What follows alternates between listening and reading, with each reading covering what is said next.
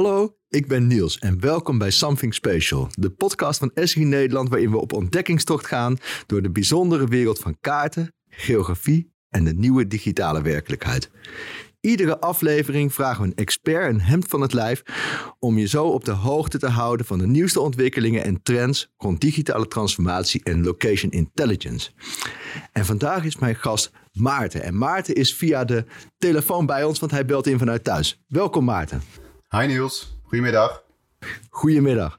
Maarten, ehm, vandaag gaan we het hebben over het onderwerp uh, digital twins. Maar voordat we erin gaan, wil jij jezelf eens voorstellen? Ja, dat wil ik wel. Uh, mijn naam is Maarten Welmers. Ik werk nu een jaar of vier bij Esri. Maar eigenlijk is mijn achtergrond niet in de geografie. Uh, ik heb internationale betrekkingen gedaan en ben daarna eigenlijk terechtgekomen in de wereld van Smart City. innovatie in de stedelijke omgeving, veel met 3D, real-time. en dat doe ik eigenlijk al een heel aantal jaar. Ja, dus uh, eigenlijk uh, niet uit de geografie, maar toch met uh, slimme steden bezig. Ik kan me voorstellen dat er best wel veel geografische componenten in zitten. Ja, daar kwam ik dus ook achter. En dat is eigenlijk ook de reden waarom ik het zo leuk vond om hier te gaan werken. er is zo'n bak aan mooie ruimtelijke data. waarmee je met goede analyses en modellen mooie dingen kan doen. om grote opgaven op te lossen. Ja, Um, weet je, uh, dingen, mensen die, bij, uh, uh, die, die met geografische informatie werken, of, en ik denk ook veel van de luisteraars van, de, van deze podcast, die zijn dol op kaarten. En um, we zien in kaarten een mooie manier om ook een inkijkje te geven in van wat voor persoon is er iemand, of, of hoe denkt iemand over dingen. En daarvoor hebben we de rubriek Mapsplaining, waarin we de gasten van de podcast eigenlijk een kaart, aan de hand van een kaart, laten vertellen uh, ja, wat voor uh, persoonlijke relaties ze daarmee hebben. Um, Maarten, wat is voor jou een kaart die, die voor jou een bijzondere betekenis heeft? Nou, dan, ik, iedereen kent hè, de vorm van Afrika. Dus als je dat in je hoofd neemt, en dan, dan ga ik terug naar mijn eigen studie, internationale betrekkingen, ontwikkelingssamenwerking. En eigenlijk blijkt uit de literatuur dat landen in het midden van Afrika die geen relatie met zee of goede rivieren hebben, economisch uh, over lange tijd veel slechter ontwikkelden. En, en, en dat is ook een beetje hoe ik naar die kaart kijk. Er zijn heel veel fysieke, geografisch gegeven uh, dingen. Hè, uh, en die bepalen heel erg uh, wat je mee kunt met een omgeving. En dat is denk ik ook wel een parallel naar waar we het zo meteen over gaan hebben. Dus die kaart onderzoeken, kijken wat zegt die omgeving nou uh, en de betekenis daaruit halen voor uh, ja, de wereld om ons heen. Ja, dus maar aan de hand van de natuurlijke omgeving kijken van ja, wat, is nou, wat zijn nou kenmerkende eigenschappen van bepaalde plekken en wat zijn de gevolgen daarvan, hè? De, de, de relaties die dat met elkaar heeft. Exact. En in Nederland zie je dat eigenlijk in de Hansesteden. Hè? Dat echt traditioneel al die Hansesteden uh, economisch heel goed gingen uh, in de Gouden Eeuw. Omdat ze aan water en goede rivieren lagen. Ja. ja, ik vind het zelf ook altijd fascinerend. Zeker wanneer je een, uh, Nederland bekijkt op een, op een aardbol of een digitale kaart die je kan draaien, zeg maar. Dan als je dan de Noordzee naar beneden draait, dan zie je eigenlijk dat het één grote delta is. Een fascinerend beeld vind ik het altijd. Ja, dat is echt gek. Uh, goed. Het onderwerp vandaag waar we uh, ingaan, uh, Maarten, dat is uh, digital twins. En digital twins, dat is een, een, term die de laatste tijd heel vaak hoort. En ehm, ja, ik zie het als, als zeg maar digitale representaties van objecten in de echte wereld. En dat kunnen objecten zijn, processen of gedrag die dan op een digitale manier worden vastgelegd. Um, met als doel om daarmee zeg maar te kijken van ja, wat, uh, hoe ziet iets eruit uh, in de werkelijkheid. Maar ook hoe zit het met bepaalde relaties. Um, en uh, ja, een, een, vrij breed concept waar we volgens mij allerlei kanten op in kunnen duiken. Um, maar ik ben wel benieuwd om te beginnen, Maarten. Wat, wat heb jij met digital twins? Ja, eigenlijk alles en niets. Aan de ene zijde, en daar hebben we het wel vaker over gehad is het gewoon een heel breed concept. En iedereen roept er heel snel, dit is een digital twin. En, uh, en daarmee kan het heel snel bla bla worden. En tegelijkertijd vind ik het zo'n vreselijk leuk concept, omdat het uh, heel veel fantasie prikkelt bij heel veel mensen om na te denken, oh, kunnen we dan ook dit? Kunnen we dan ook dat? Het, voorheen hadden ze gewoon de kaart. En nu denkt men opeens, oh, met een digital twin heb ik een soort van magisch iets om uh, energietransitie op te lossen of aan klimaatadaptatie te werken. En of die belofte altijd waar is of niet, dat doet er eigenlijk niet toe. En maar gewoon, het, het heeft zo'n belofte van vooruitgang, van samen gaan onderzoeken. En het brengt gewoon een nieuwe energie met zich mee. Uh, en waar we denk ik ook met elkaar best wel veel mee van waar kunnen maken. Ja, dus uh, eigenlijk uh, je zegt van ja, kan voor verschillende toepassingen of verschillende mensen kunnen verschillende digital twin hebben die, die bij opgaven helpen. Um, op welke manier helpen die digital twins dan bij die, bij die grotere opgaven? Ja, dat is een mooie vraag. Um, nou, eigenlijk op twee manieren. Het, het leuke aan een, aan een, digital twin vind ik... aan de ene kant is natuurlijk... het begint gewoon met data... en die data ga je samenvoegen. Uh, en dat betekent eigenlijk het proces van het maken van die digital twin... betekent ook het samen betekenis geven aan die data. Hoe koppel je die modellen? Waarom doe je dat? Wat zegt dat dan? En als je dat heel plat zou slaan, is het bijvoorbeeld als je begint met klimaatadaptatie en je gaat het over bomen hebben, die hebben iets te maken met schaduw, die hebben iets te maken met um, hoe ze, hit, uh, hoe ze los van schaduw ook water kunnen opnemen en, en allerlei omgevingseffecten hebben. Maar ga je dat in een digital twin vertalen, dan moet je gewoon heel concreet betekenis geven. Hoe groot, waarom, waarom is die belangrijk voor jou? En dat betekent ook dat de mensen die werken aan die modellering ook samen betekenis aan het geven zijn aan, aan hun werkelijkheid. En, en wat zegt die data ons dan?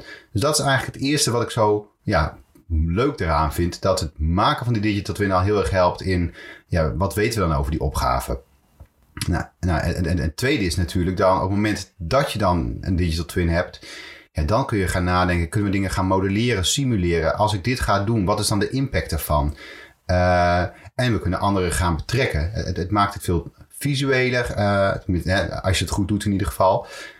Um, en, en, daarmee is het denk ik ook iets wat ooit in 2D een relatief abstracte kaart was. Nu kun je best wel goed uh, op straat of in de gemeenteraad of met andere stakeholders gaan kijken van wat betekent deze aanpassing uh, ja, voor onze leefomgeving. Gaat het dan lukken of niet? Ja, ja en, en wat, je, wat je eigenlijk noemde is dus in eerste instantie, je gaat zo'n digital twin, dan ga je niet alleen maar de wereld om je heen vastleggen. Uh, bijvoorbeeld, dit is een boom, of dat is een stoep, of dat is een gebouw, of dit is een wijk, of wat dan ook. Maar je gaat er ook meer betekenis aan geven. Uh, waardoor je meer in die, in die context komt. Je zou bijna zeggen dat het, dat het maken van zo'n digital twin een soort therapeutisch proces is of zo. Ja, en dat is het ook. En, ik denk dat daar ook zoveel waarde in zit. Heel vaak gaan we eindproducten vergelijken. Is iets de beste digital twin ooit of niet?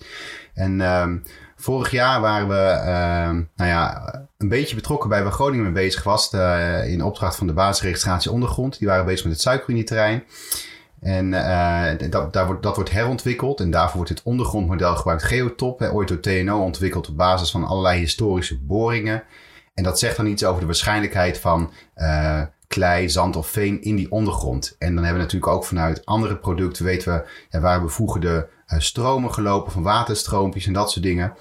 En je merkte toen zij dus met verschillende collega's daarna gingen kijken, dat die stadsecoloog zei: hey, dat is interessant, want dit zegt mij iets over waar zo meteen bepaalde dieren uh, waarschijnlijk gaan zitten. En, um, en daarmee zag je dus ook in dat team, uh, die keek naar die herontwikkeling, dat ze uh, ook konden verbinden aan de opgave waar de ander aan werkt. Want de een had natuurlijk gewoon de opgave van waar kan ik huizen neerzetten of hoe moet ik dat planologisch doen. Terwijl de ander met een bril zit van, ja maar hoe krijg je nou een mooie natuurinclusieve omgeving waar de dieren en de planten goed kunnen uh, floreren.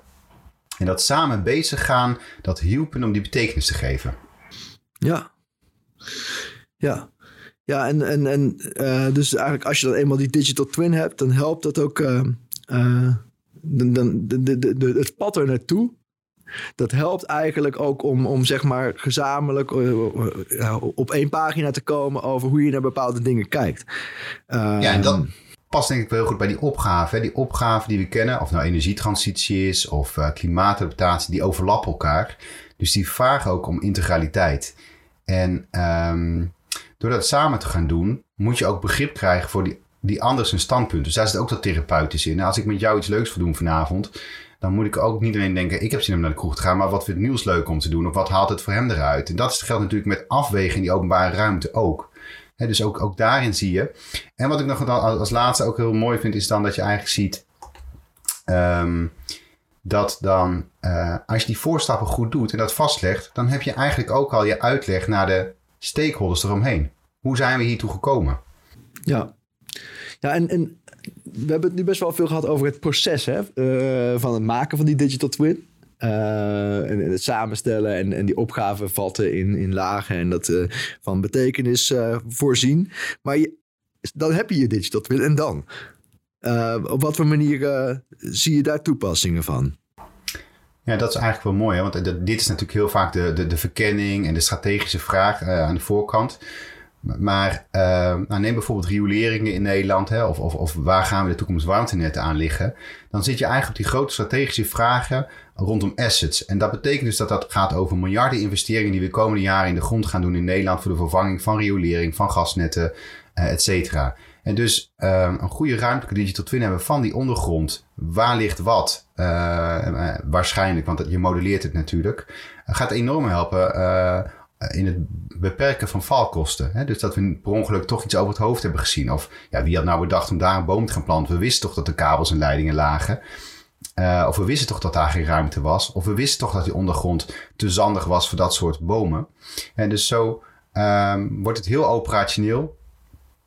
En uh, kan het heel erg helpen om fouten uh, te voorkomen.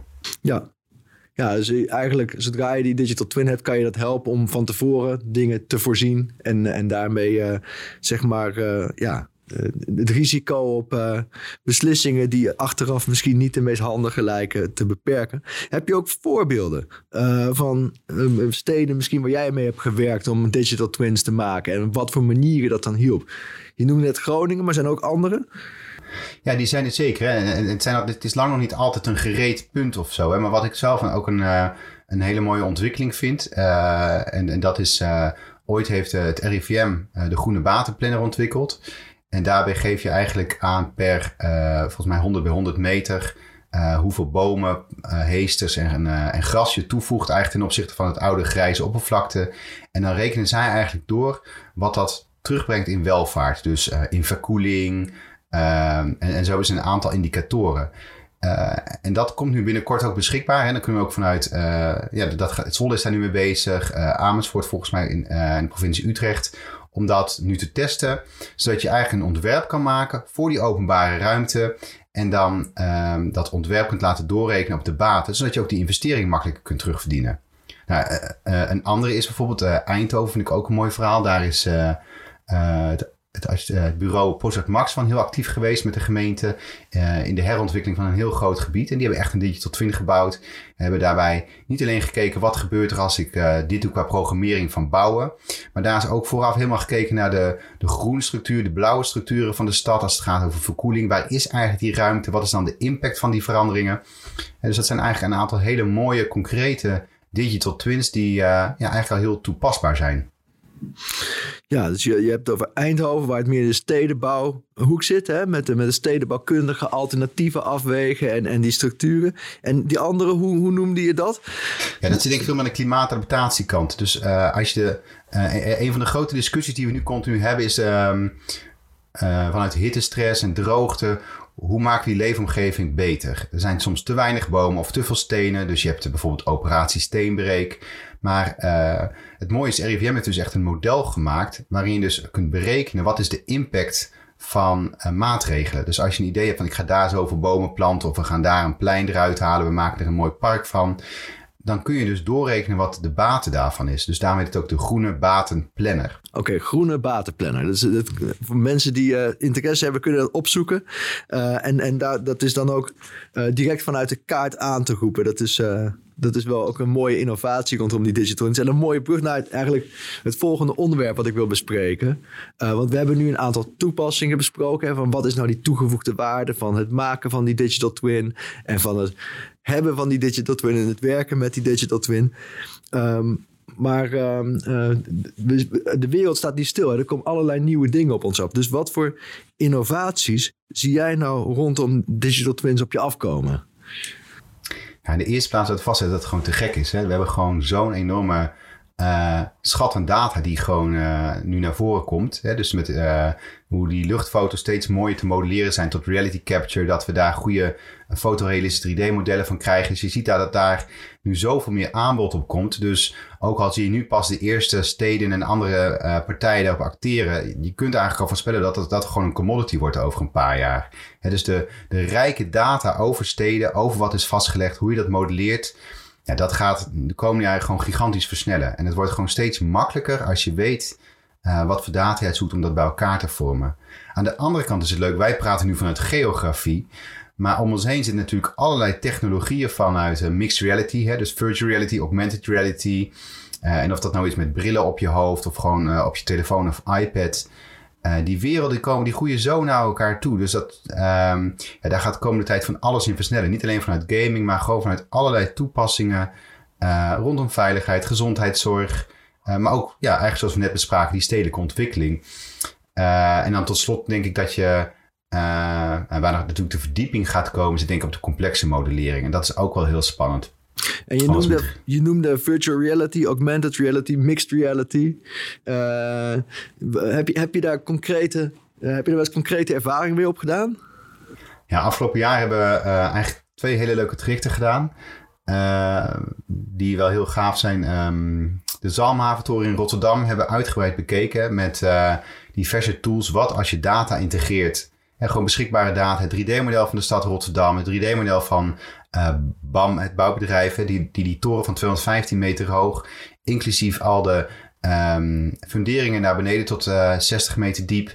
Dat hele model hadden zij beschikbaar. Nou, dat, dat hebben we natuurlijk samengevoegd in een hele goede, heel goed 3D-model. Maar vervolgens zijn we gaan kijken, wat kun je er nou mee als je dat in een HoloLens brengt? Wat kun je er nou mee als je daar een uh, en daar hebben we eigenlijk twee apps in getoetst. Ik vond het heel leuk om met die HoloLens op straat te lopen en echt in die ondergrond te kunnen kijken. Dus dan liep je eigenlijk met dat ding op je hoofd, liep je daar over straat bij de Zalmhaventoren. Die, was hij klaar of was hij in aanbouw? Nou, hij was van, uh, voor 99% klaar. 99% maar, klaar, oké. Maar ja, dus voor het gebouw zelf was het daar niet opeens... Dat had ik sowieso wel kunnen zien, want dat is bovengronds. Maar we hadden daar ook die, de WKO's in zitten. Dus dat zijn de warmte-koude opslagen tot... Uh, daar gaat het volgens mij tot 200 meter diep. En dan zie je gewoon recht onder je voeten kun je zo'n eind naar beneden kijken. Want het projecteert gewoon die ontwerpen. En je ziet al die kabels en leidingen onder je. En je ziet gewoon uh, de boomwortels rondom je. En, en dat is wel heel rijk, want het gewoon heel tastbaar. En ik vond ook de performance daarin van die HoloLens en juist zo toegepast op straat was echt heel prettig. En dat is, daar moeten we natuurlijk met elkaar nog heel veel over leren van wanneer werkt het wel. En diezelfde HoloLens hebben we ook genomen op kantoor. En dan konden we eigenlijk op kantoor, dat heet dan een tabletop model. Maar eigenlijk heb je dan gewoon in een, in een wat donkere omgeving, uh, kun je eigenlijk dat hele model als een soort van hologram uh, voor je projecteren. Ja, en waarom, waarom zou je dat doen? Omdat het je wat meer mogelijkheden geeft om, uh, om in te zoomen op zo'n gebouw en te ervaren um, ja, hoe die ruimte ervaart. En, tegelijkertijd vind ik dat zelf ook onderzoeken. Het is dus niet zo altijd AR en VR is fantastisch. Uh, nee, dat is juist ook het onderzoek van wanneer voegt het wat toe, wanneer niet. Uh, maar ik denk wel dat het uh, kan helpen dingen meer te beleven. Op je scherm, op je computer is, kun je ook heel veel zien. Kun je technisch heel veel vragen beantwoorden. Maar het belevingselement kan ja, vaak niet behaald worden. En dat kan ik vaak wel. Nou ja, hetzelfde met die iPad, waar die veel laagdrempeliger wordt. Ehm, daar kun je ook fantastische uh, applicaties mee doen. En we hebben dus, dat vind ik ook wel een leuk project. Die is veel laagdrempeliger. Voor het ministerie van Binnenlandse Zaken hebben we een proof of concept gedaan. Die ook gewoon te downloaden is in de uh, Apple Store. Waarmee je eigenlijk op straat uh, die data uit over die ondergrond van het Rijk kunt opvragen. Maar als je zelf een 3D-model hebt van die ondergrond, kun je die ook zichtbaar maken. Uh, dat is gewoon ontzettend leuk om mee aan de slag te gaan en gewoon eens te ervaren hoe kan het mij helpen. En ook, daarmee ook een tip voor de luisteraars. Heb je ondergronddata, probeer hem eens. Um, niet dat het de beste app is op aarde, hè, want het is een proof of concept. Maar wel eens om, te ervaren, uh, ja, wat is het dan en wat kan het mij zeggen? Ja, cool. Dus hyper hyper-reality eigenlijk. Steeds meer realistische modellen zien we op ons afkomen. En we zien die immersive experiences. Waar je uh, ja, mixed reality, virtual reality en misschien ook wel hologrammen. Wat, uh, wat we steeds meer zien. Um, ik ben wel benieuwd. De, ik kan me voorstellen dat heel veel mensen of organisaties of afdelingen of uh, in ieder geval nadenken over van ja, het concept digital twin, ik hoor het overal om me heen. Ik wil er ook wat mee. Wat zou jij nou aanraden als iemand hier eerste stappen mee wil gaan zetten? Nou, het begint dan met één beginpunt. Um, het is een innovatief thema. Dus het is, het is niet af en het, is, dus het begint gewoon mee te onderkennen dat het innovatie is. Ook voor, voor wij die er veel, veel mee bezig zijn, is het nog steeds een innovatief thema. En is het nog steeds leren wat het is. Dus het is niet gelijk, ik score een 10, want ik heb de beste digital twin ooit.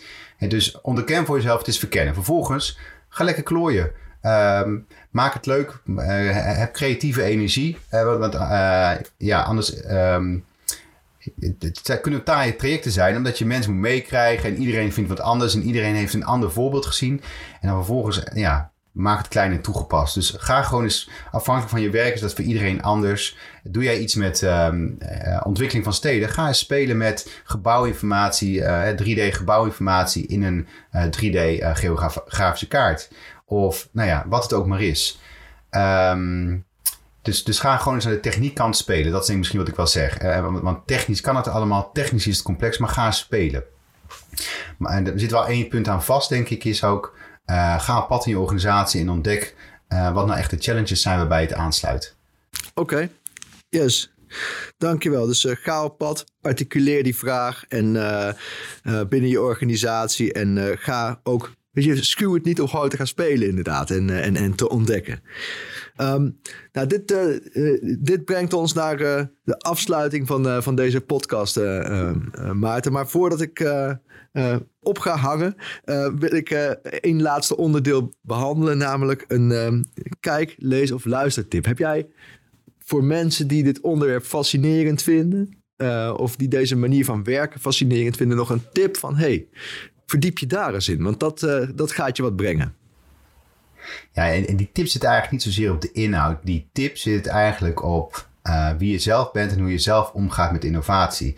Want innovatie is je, is je neus stoten, is nee horen. Hè? En dat gaat over persoonlijk leiderschap. Dus uh, ik moest uh, denken aan twee boekjes. De ene is misschien niet voor iedereen weggelegd, maar de titel vind ik wel heel leuk. Je had ooit Bisschop Muskus in Nederland.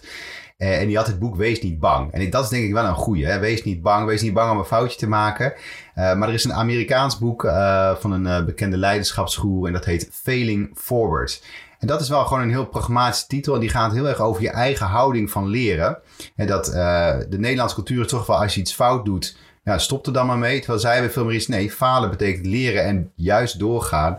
Die toekomst tegemoet. En ja, en verder vooruit. Dus de Fading Forward. Dat is dan denk ik een, een interessante titel om eens naar te luisteren van... Uh, bij een complex thema, hoe blijf je daarmee doorgaan en uh, ja, blijf er ook voldoening uithalen? Dankjewel. Failing Forwards met Digital Twins. Nou, dat, uh, ik denk dat, dat gaan we allemaal doen volgens mij de komende jaren. Want het is een thema wat, wat we heel veel om ons heen horen. En ehm, ja, heel erg bedankt dat je aanschuift in deze podcast om je ideeën te delen over Digital Twin. Heel graag gedaan en ontzettend leuk dit gesprek. Dankjewel.